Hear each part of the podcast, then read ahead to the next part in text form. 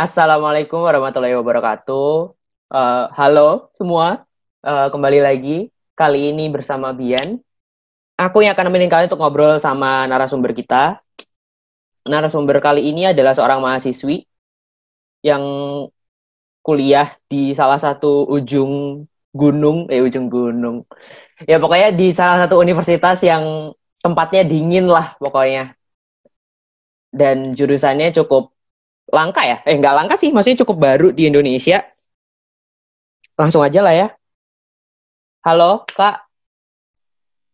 Halo Mungkin Ardi. bisa Halo diperkenalkan ke teman-teman yang lagi dengerin ini. Kakak siapa dan saat ini kuliah di mana? Ya, silahkan. Oke. Halo teman-teman, halo semuanya. Kenalin aku Valeria Sabista Suyono, biasa dipanggil Vale. Aku dari Aktuaria IPB angkatan 2018. Yeay.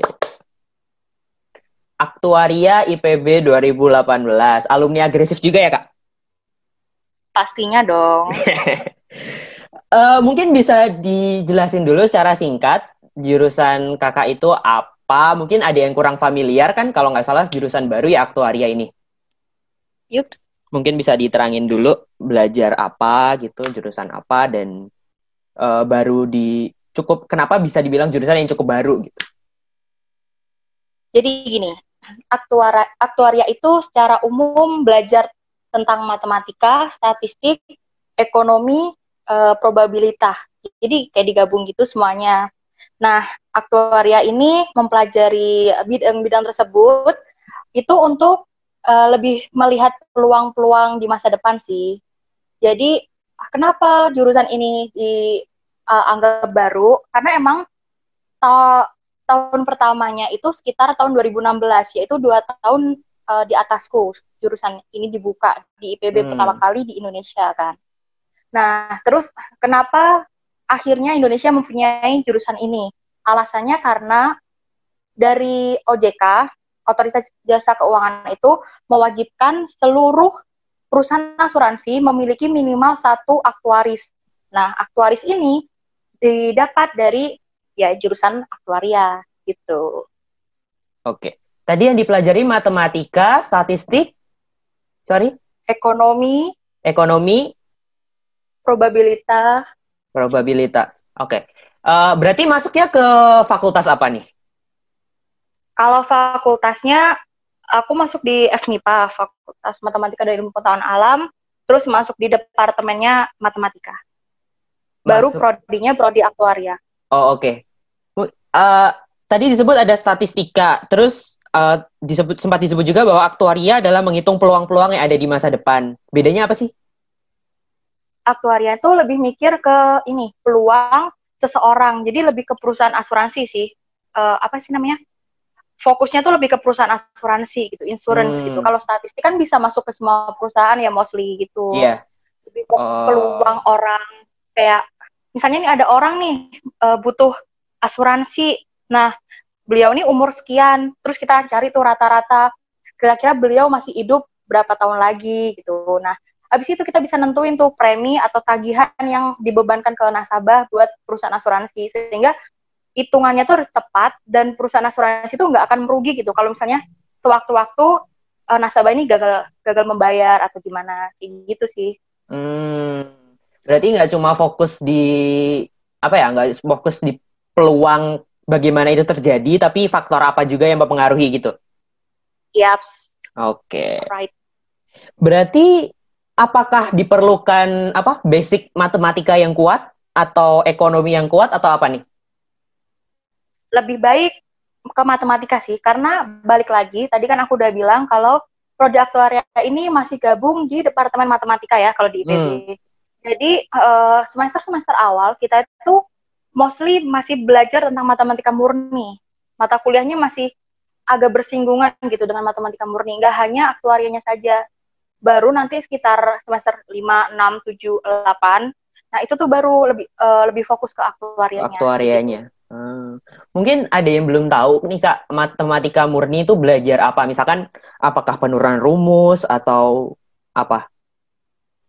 Ya kalau bedanya ah, ini matematika murni itu mereka lebih mempelajarinya tuh bener-bener matematika yang kalau kita dapat di SMA tuh kan rumus yang udah jadi nih.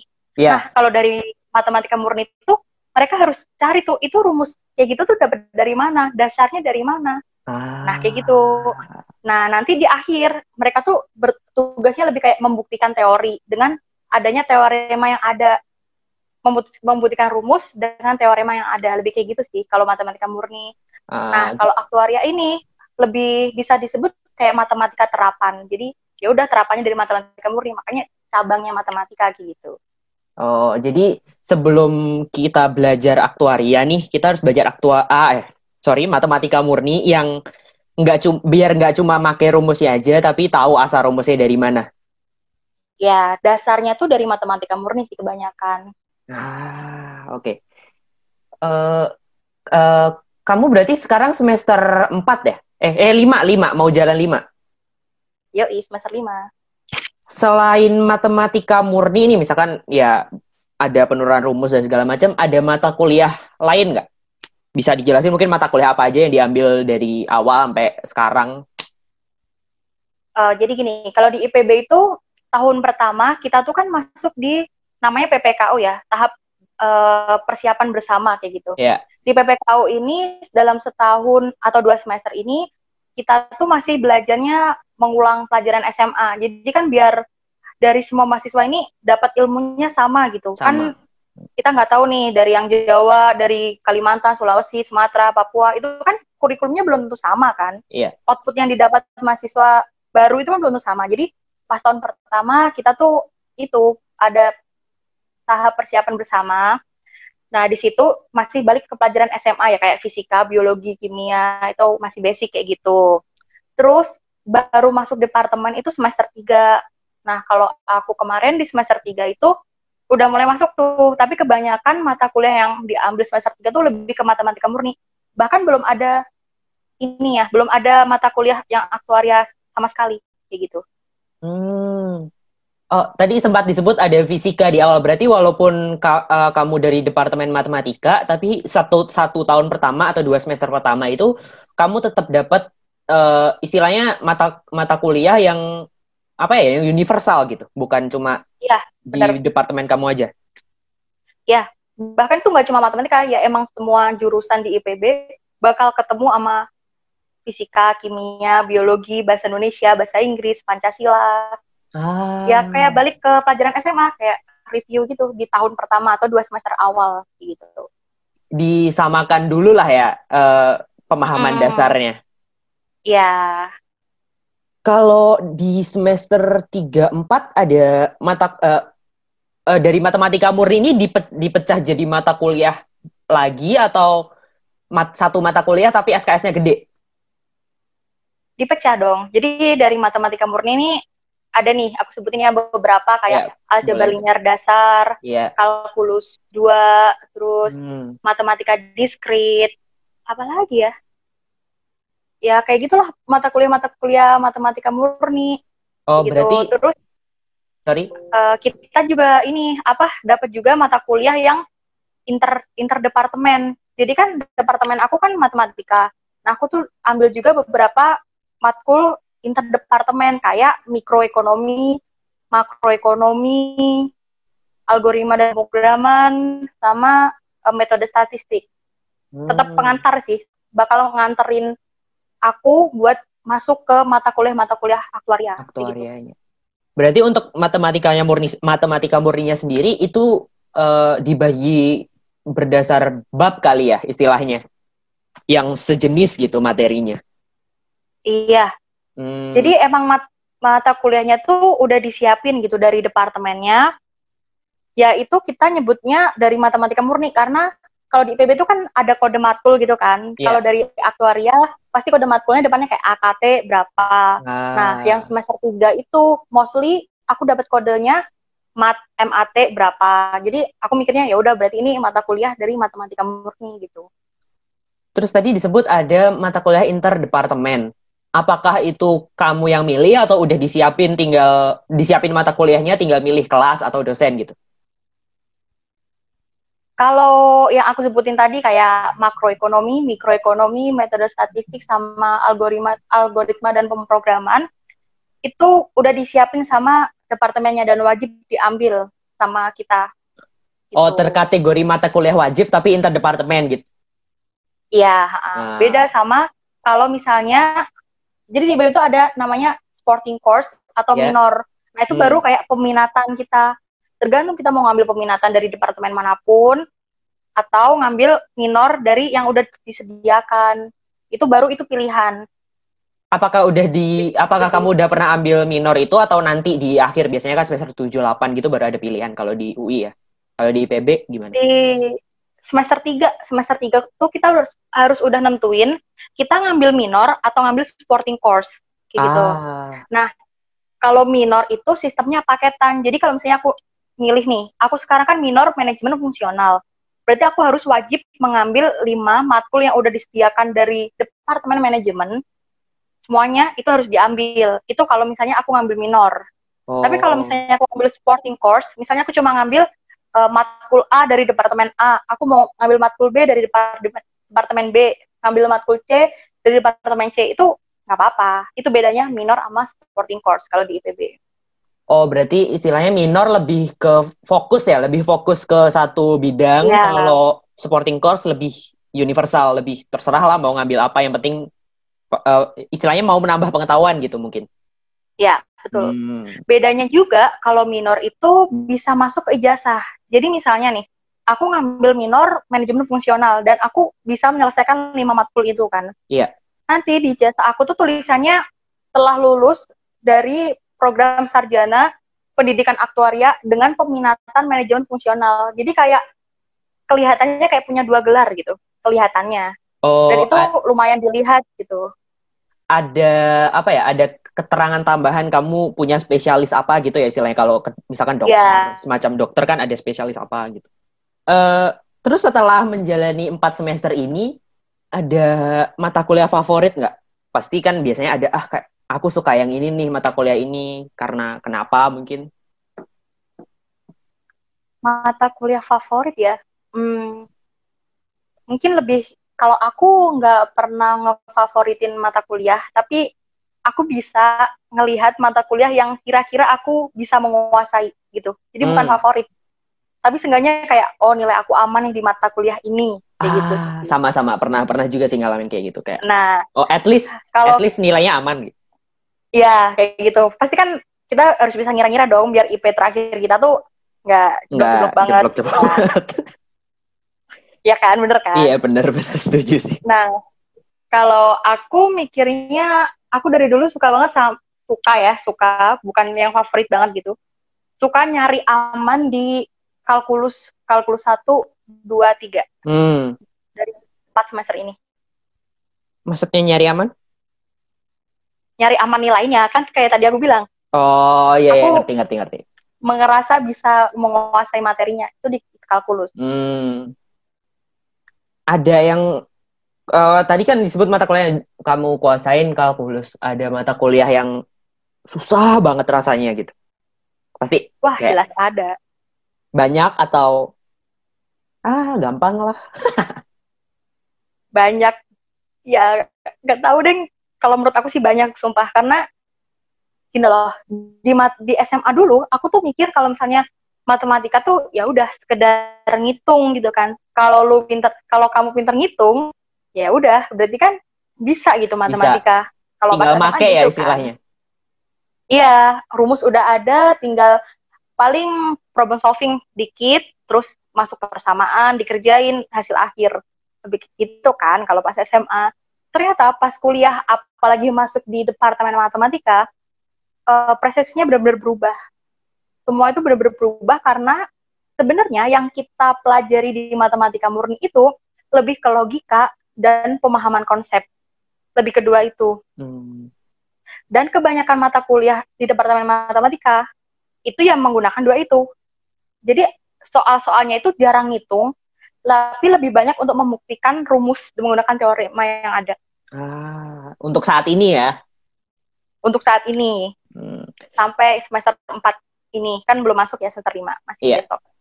Berarti menurut kamu kurang lebih lebih susah um, mata kuliah yang dari departemen kamu sendiri daripada yang interdepartemen? Atau sama susah ya? Yap, itu betul banget. Lebih susah departemen sendiri. Mayor lebih susah ketimbang interdep. Ah, oke okay, oke. Okay. Uh, kan mas ma matematika termas masih termasuk di jurusan di FMIPA ya? Masih dong. Nah, biasanya kan MIPA terkenal akan praktikumnya nih. Kalau matematika ada praktikum gitu nggak sih? Aku cuma ketemu praktikum di dua semester awal. Pas tadi aku bilang tuh di tahap persiapan bersama. Apa tuh? Di situ baru dapat. Kan aku tetap ngambil fisika, kimia, biologi. Yeah. Ya aku dapat praktikum dari tiga mata kuliah itu. Ah. Di dua semester awal doang. Sebelum aku masuk departemen. Pas Ber aku masuk Iya. departemen yeah. di semester 3 sama semester 4 nggak ada praktikum dong. Matematika apa yang mau dipraktikumin? Iya, bener sih. Bener sih, setuju. bener dong. Oh, tadi ada apa sih? Algoritma ya tadi kalau nggak salah? Ya. Itu bukannya pakai komputer gitu? Nah, kalau algoritma dan pemrograman biar gampang kita sebut Alpro aja ya, Alpro. Okay. Nah, Alpro itu aku baru ngambil di semester 5 ini. Jadi aku belum tahu sih ke depannya oh, gimana. Belum ya sebenarnya? Belum, baru semester 5 ini. Terus, tapi dengar-dengar dari teman aku yang udah ngambil di semester-semester sebelumnya, emang ada praktikum. Hmm. Tapi ya hmm. praktikumnya di lab komputer gitu, kalau offline. Oh. Kalau online ini ntar ke depan, belum tahu tuh kayak gimana. Kebijakan dari Departemen Ilmu Komputer ya berarti kalau Alpro. Ya, ilmu komputer. Hmm, oke okay, oke. Okay. Berarti untuk dari departemen kamu sendiri itu nggak ada praktikum ya jadi matematika benar-benar nggak ada praktikum apa gitu ya sejauh ini nih berarti dua tahun ya kamu kuliah ada tugas yang nggak masuk akal nggak bukan yang nggak masuk akal sih yang aneh gitu kenapa harus dikerjain gitu apa ya hmm, oh nggak nggak ada deh kayaknya karena jujur di departemen matematika itu kita jarang ada tugas sih. Maksudnya tugas yang proker gede kayak jurusan-jurusan lain tuh kita jarang ada. Paling tugas tuh kayak tugas responsi, tugas mingguan gitu lah. Kayak dia dikasih soal 5 nomor, 10 nomor, tugas mingguan terus dikumpulin minggu depannya. Lebih kayak gitu. Ah. Jarang tapi... ada tugas proker yang apa ya? Kalau aku dengar-dengar di departemen lain kayak bikin mungkin bikin sesuatu atau ngerjain denah atau apa seperti yang kamu kerjain. Iya bener sih. Aku enggak, pernah dapat. Uh, tapi kan tadi ada pembuktian rumus tuh. Apakah pembuktiannya ya udah dikerjain di buku atau misalkan dibikin laporan? Dikerjain di buku biasa. Oh jadi bukan bikin laporan kayak matematika. Penelitian gitu bukan ya? Enggak. Hmm. Enggak sih kalau de dari departemen matematika. Cuma kan aku kemarin sempat ngambil mata kuliah mata kuliah dari Departemen Statistika. Yeah. Itu namanya analisis regresi. Mm. Nah, itu kan ya aku bilang supporting course itu aku ngambil analisis regresi. Nah, itu baru ada tugas akhir kayak kita ngelakuin survei, dari survei yang ada kita dapat data, peroleh data kan?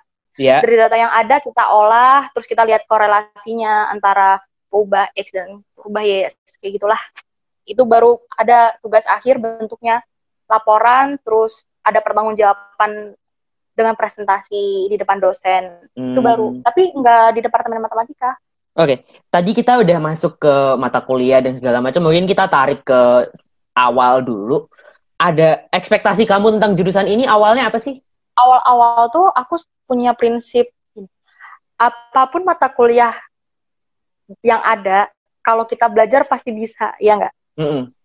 itu prinsip aku sih yeah. prinsip awal-awal aku belajar tuh kayak gitu jadi kalau aku nemu mata kuliah susah atau pelajaran susah dari dulu tuh ya aku tinggal belajar ya insya Allah bisa gitu belajar lebih cuma ya setelah aku mas ya setelah aku masuk di departemen matematika ini terus aku bertemu dengan satu mata kuliah namanya pengantar teori peluang dan aku uh, baru menyadari bahwa prinsipku tuh salah aku nggak ngerti mata kuliah itu sampai sekarang Padahal udah kayak berusaha belajar minggu tapi ya uh, berarti sampai lulus mata kuliah itu pun kamu masih nggak bisa atau ya oke okay lah masih ngerti sedikit-sedikit atau sama sekali? Ya nggak mungkin sama sekali sih, yang ngerti dikit-dikit gitu kan. Apakah Tapi ya mas uh, agak beban, soalnya dia tuh kayak prasyarat mata kuliah selanjutnya gitu loh. Jadi aku harus belajar ulang sih. Apakah nilai mata kuliah kamu itu lebih paling jelek daripada mata kuliah yang lain?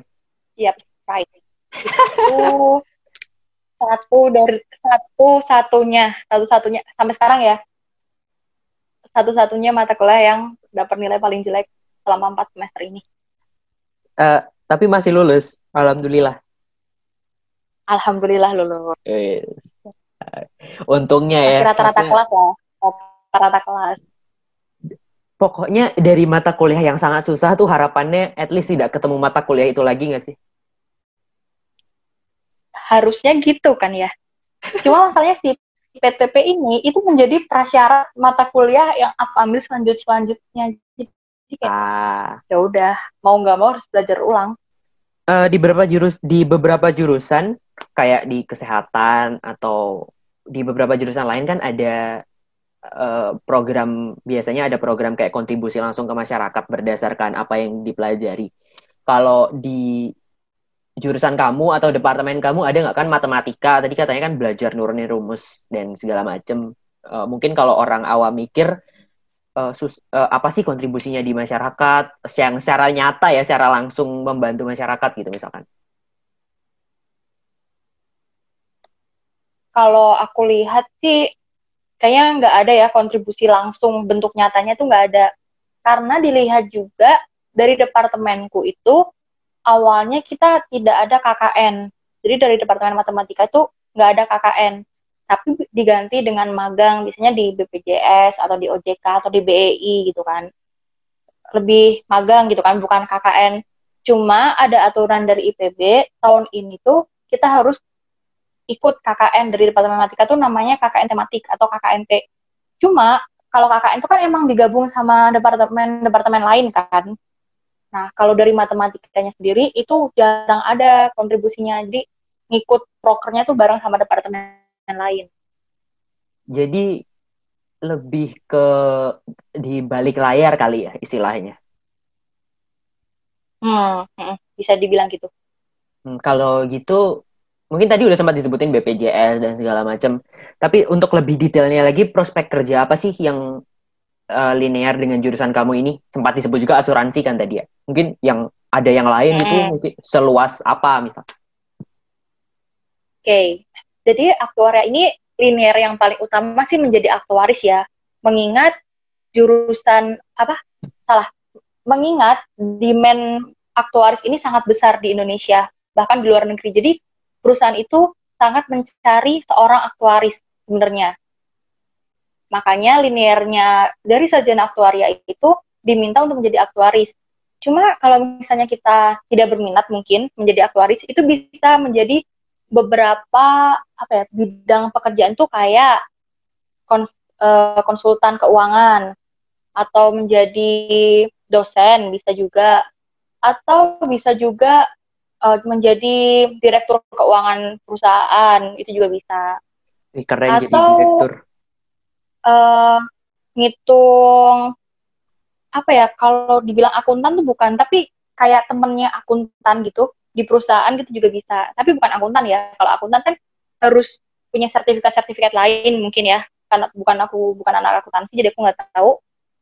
Tapi sejenis kayak gitu itu tuh di perusahaan-perusahaan itu juga bisa jadi nggak harus menjadi aktuaris kalau nggak salah ada tujuh bidangnya tapi aku lupa apa aja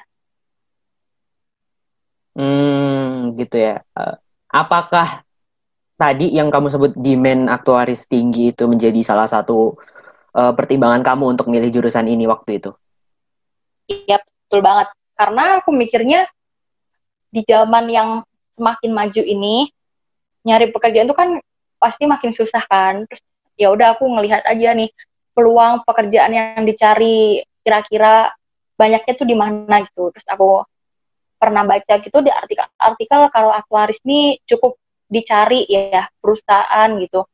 Ya udah aku ngelihat dulu nih jurusan aktuaria tuh kayak gimana gitu secara besarnya terus aku merasa oh aku masih relate kok oh aku masih insya Allah masih bisa mengikuti oh insya Allah aku mengerti materi-materi yang akan dipelajari ya udah deh aku pilih aktuaria aja gitu apakah nggak ada keraguan gitu? Maksudnya waktu itu kan baru dua tahun nih jurusan ini terbentuk. Maksudnya akreditasinya juga pasti belum A kan? Mungkin uh, sorry kalau nggak salah kalau salah. Apakah nggak ada hmm. ragu gitu? Jurusan baru nih uh, gimana ya nantinya gitu? Yap, bener banget kata Arbi. Jadi kalau dari akreditasi emang belum A karena syarat akreditasi itu kan harus punya lulusan. Sedangkan di IPB aja yang nomor per, nomor satu ya, maksudnya yang pertama kali membuat jurusan ini gitu ya, itu tuh baru sampai saat ini aku ngomong ini, ini baru punya satu lulusan. Gitu. Nah, emang akreditasinya belum A. Cuma waktu itu tuh kenapa aku yakin karena aku nggak sekedar cuma kayak ya udah aktuaria gitu loh kayak oh aktuaria dicari. Nggak kayak gitu. Aku berhari-hari kayak ya udah nyari artikel-artikel terus nggak cuma artikel di Indo ya nyari artikel di luar juga kayak seberapa dicarinya sih jurusan aktuaris ini. Aku udah nyari-nyari juga. Terus beberapa kepoin juga tuh akun-akun di IPB kan. Waktu itu soalnya di tahun aku yang buka itu IPB UI sama UGM setahu aku ya itu baru itu sih cuma UGM ternyata pas tahun aku nggak jadi jadi pilihannya antara IPB sama UI terus karena aku nggak mau jadi tahun yang pertama aku pilih IPB aja. Selain itu di IPB juga bisa ngambil jalur SNM ya jalur undangan. Ya udah aku ambil aja gitu di IPB oh waktu itu kalau di UI baru dibuka ya makanya kayak nggak mau jadi yang pertama. Mm -mm, dan setahu aku di UI pas tahun aku daftar itu belum bisa SNM jadi harus SBM kalau nggak salah ya kalau kalau nggak salah ini beneran hmm. aku lupa deh Mungkin ya kalau teman-teman ada yang tahu. Aku juga kurang tahu sih. Yoi. Uh, sorry, berarti ini pilihan pertama. Pilihan pertama. Pilihan keduanya kalau boleh tahu mungkin kalau bukan kalau nggak kalau nggak boleh nggak apa-apa sih. Aku kalau nggak salah apa ya, pendidikan kimia di UM Universitas Negeri Malang. Apa pertimbangannya kamu mendahulukan uh, aktuaria dari jurusan ya bukan universitas dari jurusan aktuaria dari pendidikan hmm. kimia? Balik lagi aku melihat peluang kerja. Yang aku omongin di sini kan peluang kerja ya jadi aku melihat peluang kerja. Menurut aku menurut yang aku baca juga kayaknya aktuaris lebih dicari gitu kan. Terus selain itu juga nggak tahu kenapa kayak udah mantep aja gitu kayak ngelihat mata kuliah mata kuliahnya kayak oh matematika. Emang aku lebih lebih bisa menghitung daripada hafalan ya jadi kayak oh kayaknya lebih cocok di aktuaria deh gitu. Jadi aku ngambil pilihan pertamanya di aktuaria. Karena saat itu belum banyak lulusannya kali ya jadi kayak mungkin rasanya lebih akan dicari ini nantinya gitu iya bener juga oke hmm, oke okay, okay tadi di awal aku udah nanya nih uh, kalau uh, katanya paling tidak harus sedikit jago lah istilahnya di matematika. Tapi apakah ada pelajaran lain yang harus dikuasain dulu gitu selain matematika ya? Apa ya? Kalau aku sebenarnya bukan bukan jago, dibilang jago matematika juga enggak. Tapi seenggaknya tahulah matematika dasarnya gitu kan dasarnya matematika tuh ngerti gitu. Kayak gitu. Terus kalau pelajaran lain pas SMA tuh aku kan nggak kedapatan mata kuliah ekonomi sama sekali ya. Jadi pas kuliah aku belajar ekonomi tuh dari nol terus belajar dari eh, belajar akuntansi juga dari nol. Itu sih kalau menurut aku lebih ke matematika aja. Karena bener-bener ya banyakkan matematikanya emang dari departemen matematika soalnya Mungkin ada teman-teman yang tertarik dengan jurusan aktuaria ini ya. Uh, tapi takut gitu. Uh, karena nggak jago matematika, karena lemah di matematika katakan. mungkin bisa ngitung, cuman lama kayak ada yang harus mikir lama gitu kan kalau di matematika. Uh, perlu khawatir nggak atau nanti oh bakal diajarin dari awal kok atau gimana? Balik lagi nih ke yang tadi aku bilang pas kita pas aku ada di tahap persiapan bersama. Jadi di situ tuh kayak balik lagi ke SMA sih. Jadi kayak bakal review matematika dari awal kayak integral, turunan, dasar-dasarnya itu di, dipelajari lagi gitu. Jadi jangan takut. Kita belajar bareng lagi pas tahap persiapan bersama tadi, pas PPKU di dua semester awal. Nggak langsung advance gitu ya? Nggak. Selain itu, dosen aku tuh pernah bilang gini, kita itu tugasnya buat melog melogika matematika, buat nyelesain masalahnya. Kalau ngitung itu tugasnya kalkulator, jadi nggak harus jago ngitung, hmm. tapi lebih kayak pemahaman konsep gitu sih. Jadi nggak harus yang ngitungnya cepet gitu ya? Nggak harus. Yang penting ngerti konsepnya bahkan, dan penerapannya seperti apa. Ya, bahkan beberapa mata kuliah aku ada yang diwajibin mau pakai kalkulator biar memudahkan kita gitu. Lebih gampang. Ada aku yang kayak gitu. Mm -mm. Hmm. Uh, terus nih kat, uh, ngomongin orang awam, apa sih? Misalkan selama, ini kan termasuk jurusan baru ya, mungkin banyak orang yang belum tahu. Gimana masyarakat memandang jurusan kamu ini? Biasanya kan banyak tuh yang nanya, kamu kuliah di mana, jurusan apa? Ketika kamu bilang aktuaria, orang tuh gimana? Apakah nggak tahu kayak apa sih jurusan apa sih itu? Oke, okay sebenarnya yang ngerasain ini bukan cuma aku doang, tapi semua temen cutting mostly dapat pertanyaan yang sama. Jadi kayak uh, ditanyakan biasanya kuliah di mana ya enggak? Hmm. Terus kita yang jawab kan di aktuaria. Pasti ditanyain yang pertama kali diomongin selalu, hah jurusan tentang perairan, belajar tentang perairan. Kenapa? Karena kan kayak aktuaria deket kan sama aqua aqua, aqua gitu kan. Aqua aqua iya ya bener. Makanya orang-orang mikirnya belajarnya tentang perairan. Itu sih stigma pertama dari masyarakat. Hmm. Biasanya kebanyakan dari kita tuh ngejelasin secara gampangnya ya ilmu yang mengkombinasikan statistik, matematika, ekonomi, dan teori peluang. Biasanya kayak gitu sih lebih gampangnya kan. Atau kalau mau lebih gampangnya lagi ya kayak belajar matematika sama ekonomi. Gitu. Hmm, udah lebih paling simpel lah gitu, ya mau... buat diterangin ke orang awam setelah uh, dua tahun ya berarti kamu udah kuliah di jurusan aktuaria. Uh, ya, benar. Ada nggak hal yang membuat kamu bangga atau bersyukur saat kuliah di jurusan ini? Misalkan ada keahlian khusus yang udah kamu dapat dibanding jurusan lain atau apa? Kebanggaan lah ya berarti kasarannya ya.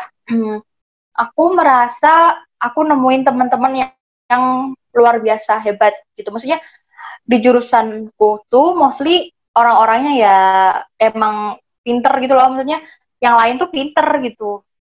Terus selain itu ternyata mereka tuh punya skill-skill yang banyak gitu skill organisasi skill di luar akademik itu juga bagus. Nah dan mereka tuh nggak pelit sharing ke aku. Jadi kayak enak gitu loh kuliah di jurusan aku pas di kelas hmm. aku ya. Maksudnya teman-teman aku tuh enak gitu dibuat. Terus mereka juga tuh nggak pelit kalau mau ngasih tutor buat temen kelasnya kayak gitu kalau dari yang lain karena kayak yang tadi aku bil yang tadi aku bilang di jurusan aktuar aktuaria ini baru punya satu lulusan yaitu kakak tingkat aku dua tahun di atas oh, aku kan. It, uh, itu juga suatu kebanggaan sih karena uh, akhirnya aktuaria punya lulusan dari IPB pertama kali kan se Indonesia itu selain itu juga uh, suka sama ini sih dosennya dosennya tuh kalau ngajar tuh kayak inovatif gitu nggak cuma kadang nggak monoton di kelas doang tapi sering make apa sih pakai contoh-contoh yang ada di kehidupan nyata terus sering undang speaker juga dari luar dari hmm. aktuaris-aktuaris hebat di luar sana terus bisa juga mereka biasanya sering undang ini ada kunjungan kita juga ke prudensial atau ke perusahaan-perusahaan asuransi lain lah. Sering ada kunjungan gitu. Jadi kayak ilmunya tuh didapat nggak hanya di kuliah doang tapi kita juga dapat ilmu dari langsung di lapangan kerja gitu. Hmm. Jadi selain jurusan ini masih langka lah ya, selain jurusan ini masih Hmm. langka dan yang pasti sangat dicari, tapi lingkungan akademis, lingkungan akademis, lingkungan sosial, eh, apalagi dosen dan pembelajarannya pun dilakukan secara interaktif dan suportif gitu ya. Jadi nggak membosankan untuk kuliah di jurusan ini. bener banget walaupun nggak ada praktikum tapi ya tetap bisa kok deket sama teman-temannya maksudnya nggak yang apatis-apatis banget teman-temannya ya udah seru aja gitu Hmm. Eh, andai nih, andai eh, dengan eh, pengetahuan kamu selama dua tahun ini kuliah, maksudnya kan udah pasti tahu dong tentang jurusan lain, pasti kan ada temen. Eh, eh, apa ya? Masih ada pikiran nggak kalau misalkan, oh kayaknya aku lebih cocok di jurusan itu dibanding di sini, kayak apa ya? Merasa misalkan kamu di situ, kamu mungkin akan lebih baik gitu, atau udah sangat nyaman, udah sangat percaya diri untuk kuliah di jurusan ini. Hmm, kalau aku lihat-lihat dari jurusan lain, kayaknya aku emang eh, cocoknya di sini deh. Soalnya kalau misalnya jurusan lain tuh pasti ada aja yang kurang cocok kan udah denger nih matkul-matkul mereka, terus kayak suasana belajar mereka tuh kayak gimana, terus keluhan-keluhan mereka juga dan aku merasa kayak kayaknya aku belum tentu kuat deh di jurusan mereka gitu. Jadi kayak ya udah kayak alhamdulillah dapat jurusan yang cocok gitu kan dan insya Allah bisa survive sampai ntar lulus gitu sih udah sesuai dengan minat dan kemampuan lah ya kurang lebih. hmm, ya ih bener Eh, terakhir nih, eh, bel- belum terakhir sih. Eh, eh, buat temen-temen, mungkin ada buat temen-temen yang masih sekolah atau yang saat ini udah lulus. Tahun ini kan baru pengumuman-pengumuman nih.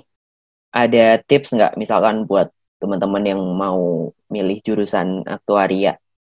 Eh, maksudnya cara belajar mungkin atau apa yang harus dikuasai sebelum masuk sebaiknya dikuasai dulu maksudnya. Atau ya udah masuk aja dulu nanti belajar bisa bisa kok nanti sambil belajar. Hmm, kalau dari tips apa ya paling tip yang basic-basic aja kayak ya belajar yang giat. Maksudnya ya siapa sih yang jurusan yang nggak mau nerima orang pinter ya nggak? Maksudnya Hmm. tetap belajar yang giat biar mendapatkan hasil yang memuaskan gitu kan. Terus kalau untuk ke jurusan aktuaria sendiri nggak harus yang pinter banget matematika nggak apa-apa. Soalnya di sini tuh juga sama-sama belajar kan. Kalau udah pinter ngapain kuliah ya nggak sih? Iya. Gitu kan ya kalau orang-orang ngomong mah. Iya iya biasanya kalau nggak apa-apa belajar bareng-bareng gitu sama yang lain. Kalau sama kalau aku pribadi ya misalnya aku nggak ngerti nih materi ini ya harus aktif sih nanya-nanya ke temen yang udah paham kayak eh ini tadi gimana? Eh tolong jelasin ini dong. Atau bahkan yang tadi aku bilang aku minta tolong ke temen aku buat ngasih tutor. Apalagi kalau pas mau UTS atau UAS itu ada tuh temen yang sering buka tutor atau Hmm. juga dari himpunan aku dari himpunan aku tuh emang sering ngadain gitu tutor. Jadi yang ngajar tuh kakak tingkat. Ya lebih lebih trusted nggak sih? Lebih kayak lebih ya udah lebih bisa gitu. Diajarinnya lebih profesional Hmm. Kayak gitu. Jadi jangan takut sendiri kalau nggak bisa eh, minta ajarin teman-temannya. Kalau aku sih gitu. Simpelnya apa pun jurusan yang diinginkan atau jurusan yang akan dijalani yang ingin diraih kalau ada niat ingin belajar mau usaha dan inisiatif juga ya yang pasti pasti bisa. Hmm, benar gak? wajib. Pokoknya jangan takut bersosialisasi juga. Kan biasanya kalau hmm, mahasiswa baru tuh awal-awal tuh pasti takut kan? Maksudnya takut kebanyakan main takut apa akhirnya Hmm. akademisnya turun atau gimana? Biasanya gitu kan kalau mahasiswa baru. Aku pun juga gitu. Kemarin pas semester pertama aku takut banget kalau mau ikut organisasi-organisasi di luar akademis. Takut kayak ntar nggak sempet belajar ntar sibuk ntar nggak fokus bla bla bla. Itu pasti ngalamin sih. Nggak pasti maksudnya aku kemarin ngalamin itu. Tapi pas semester 2 tuh aku udah mulai mikir tuh kayak kalau aku gini terus kayak aku nggak bakal punya temen. Maksudnya definisi punya relasi gitu loh. Nggak akan Hmm. punya relasi yang banyak. Aku mikir kayak gitu kan. Pas semester 2 tuh udah mulai tuh aku kayak membuka diri mulai temen sama temen kelas. Bahkan dulu pas semester satu tuh awalnya aku tuh cuma ngobrol kayak beberapa orang doang nggak yang banyak gitu loh. Karena bener-bener takut. Apalagi aku tuh hitungannya ngerantau jauh kan dari Jawa Timur ke Hmm. Bogor bener-bener ya hitungannya bisa bilang minoritas. Karena kebanyakan Iya. di sana anak Jabodetabek kebanyakan kan. Itu awal-awal mah tetap takut. Mau mau ngobrol mau adaptasi mau sosialisasi tuh pokoknya susah deh ya udah pas semester 2 tuh aku mikir kalau aku gini terus aku nggak akan berkembang deh. Maksudnya secara soft skill juga aku juga nggak akan bisa maju gitu kan. Udah mulai dari semester 2 aku udah pelan-pelan hmm, ngobrol sama yang lain berteman sama yang lain sosialisasi. Lumayan akhirnya ya lumayan temennya udah mulai banyak kan. Nah pas semester 3 yang aku masuk departemen itu aku nyoba untuk ikut organisasi. Hmm. ternyata dari organisasi yang aku ikutin itu lumayan banget relasinya. Keren banget ketemu kating-kating yang bahkan alumni alumni yang udah sukses. Itu kayak gampang gitu jalannya ngobrolnya terus banyak kegiatan. Jadi internalisasinya tuh dapat relasinya juga dapat makanya aku lebih suka ini sih maksudnya harus seimbang antara akademis sama organisasi. Atau apa sih kegiatan non akademis ya biasanya. Hmm. nggak harus organisasi sih biasa bisa ik- ikut kayak UKM UKM itu apa ya? Kayak ekstrakurikuler gitu loh Iya, ekskul kalau di SMA. Biar jadi ada akademisnya dapat non akademisnya juga dapat relasi juga dapat gitu sih. Hmm, jadi itu nggak di jurusan aktuaria doang kan pasti jurusan kamu juga gitu kan ya harus banyak banyak nyari Iya. temen banyak nyari relasi di semua jurusan harus kayak gitu sih kayaknya. Hmm. biar mempermudah lah dalam proses Hmm. perkuliahan ini. Kan empat tahun bukan waktu yang singkat ya untuk belajar. Yoi. Makanya kan Eh. tadi aku bilangnya tips basic doang. Karena sebenarnya nggak ada tips khusus. Tergantung masing-masing individu ya. Karena kan udah mahasiswa juga istilahnya harus bisa Hmm. eh, tahu kekurangan dan kelebihan diri sendiri dan gimana cara mengatasinya supaya nggak menghambat ke, ke depannya ke depan. Eh, nah, ini sekarang beneran terakhir nih. Kan Oke, apa tuh? kan kita sebagai alumni agresif kan udah lama banget nih nggak ketemu. Mungkin kayak kayaknya aku lihat kemarin kamu ketemuan ya sama beberapa yang teman-teman cewek. Tapi kumpul Ya. sebagai penuh biasanya kan kalau ada buka puasa kita suka kumpul. Udah kayaknya udah setahun lebih nggak kumpul gara-gara corona ini juga. Ada pesan atau ya pesan atau kesan tertentu nggak yang pengen disampaikan? Entah secara personal tapi anonim atau keseluruhan mungkin. Buat seluruh teman-teman agresif aja deh. Hmm. Kapan nih mau ngumpul-ngumpul bareng? Oi. Karena kayak gara-gara corona ini biasanya kita ada tradisi bukber kan. Jadi tahun ini batal nggak ada bukber. Jadi nggak bisa ngumpul deh tahun ini. Hmm. Selain itu apa ya? Mungkin ya bener sih PSBB jadi ya udah nggak bisa ngapa-ngapain. Untung kita kemarin udah ini nggak sih ngebik dapat jalan alternatif buat sering bikin Zoom. zoom, bareng, Zoom ya. Hmm, ngobrol-ngobrol dikit. Iya. Lumayan lah, walaupun nggak semuanya join, tapi ya enggaknya sempet dan banyak ngobrol gitu sama yang lain. Oke. Kayaknya itu aja, Val. Oke, Eh, pertanyaan-pertanyaan yang ingin yang mungkin ingin dibagi dengan teman-teman. Eh, terima kasih atas ceritanya. Semoga apa ya, menginspirasi ya teman-teman di luar sana yang pengen kuliah di jurusan aktuaria atau kuliah di IPB yang masih takut-takut biar Ya, lebih berani lebih apa ya lebih percaya diri walaupun jurusan yang relatif baru tapi nggak kalah kok kualitasnya baik dari segi akademis ataupun non akademis. Eh, ya Oke, terima kasih Vale. sama-sama. Oh ya, aku mau ngomong deh. Oh boleh boleh. Jadi tadi tuh semua yang aku bicarain tuh mostly pandangan aku pribadi ya. Jadi hmm. kalau misalnya ke depannya ada kayak salah info atau gimana, ya mohon dimaafkan soalnya emang bener-bener apa masih baru juga kan aku dua tahun jadi kayak hmm. ya aku dapat info ya cuma segitu kalau misalnya ada salah-salah mohon dimaafkan. dimaafkan. Ya, jadi buat teman-teman yang pengen tahu lebih lanjut tentang jurusan aktuaria atau IPB, uh, eh, selain dari in Vale ini, kalian bisa cari tahu langsung kali ya di mungkin ada di website IPB atau di Google. Ya, benar. Kan lebih akurat tuh benar-benar postingan hmm. official dari mereka. Uh, mata kuliahnya apa aja, kegiatan apa yang ing, yang ingin dicapai apa dari kurikulum tersebut. Jadi kalian bisa tahu ya, lebih betul. detail lah istilahnya tentang jurusan ini. Uh, Oke, okay, terima kasih buat semuanya yang udah dengerin hari ini. Sekian uh, kepoin kuliah bareng agresif. Nantikan episode-episode selanjutnya bersama narasumber yang pastinya insya Allah menghibur, inspiratif, dan ya itu pokoknya. Terima kasih semua. Bye bye terima kasih. Ya assalamualaikum wa wassalamualaikum warahmatullahi wabarakatuh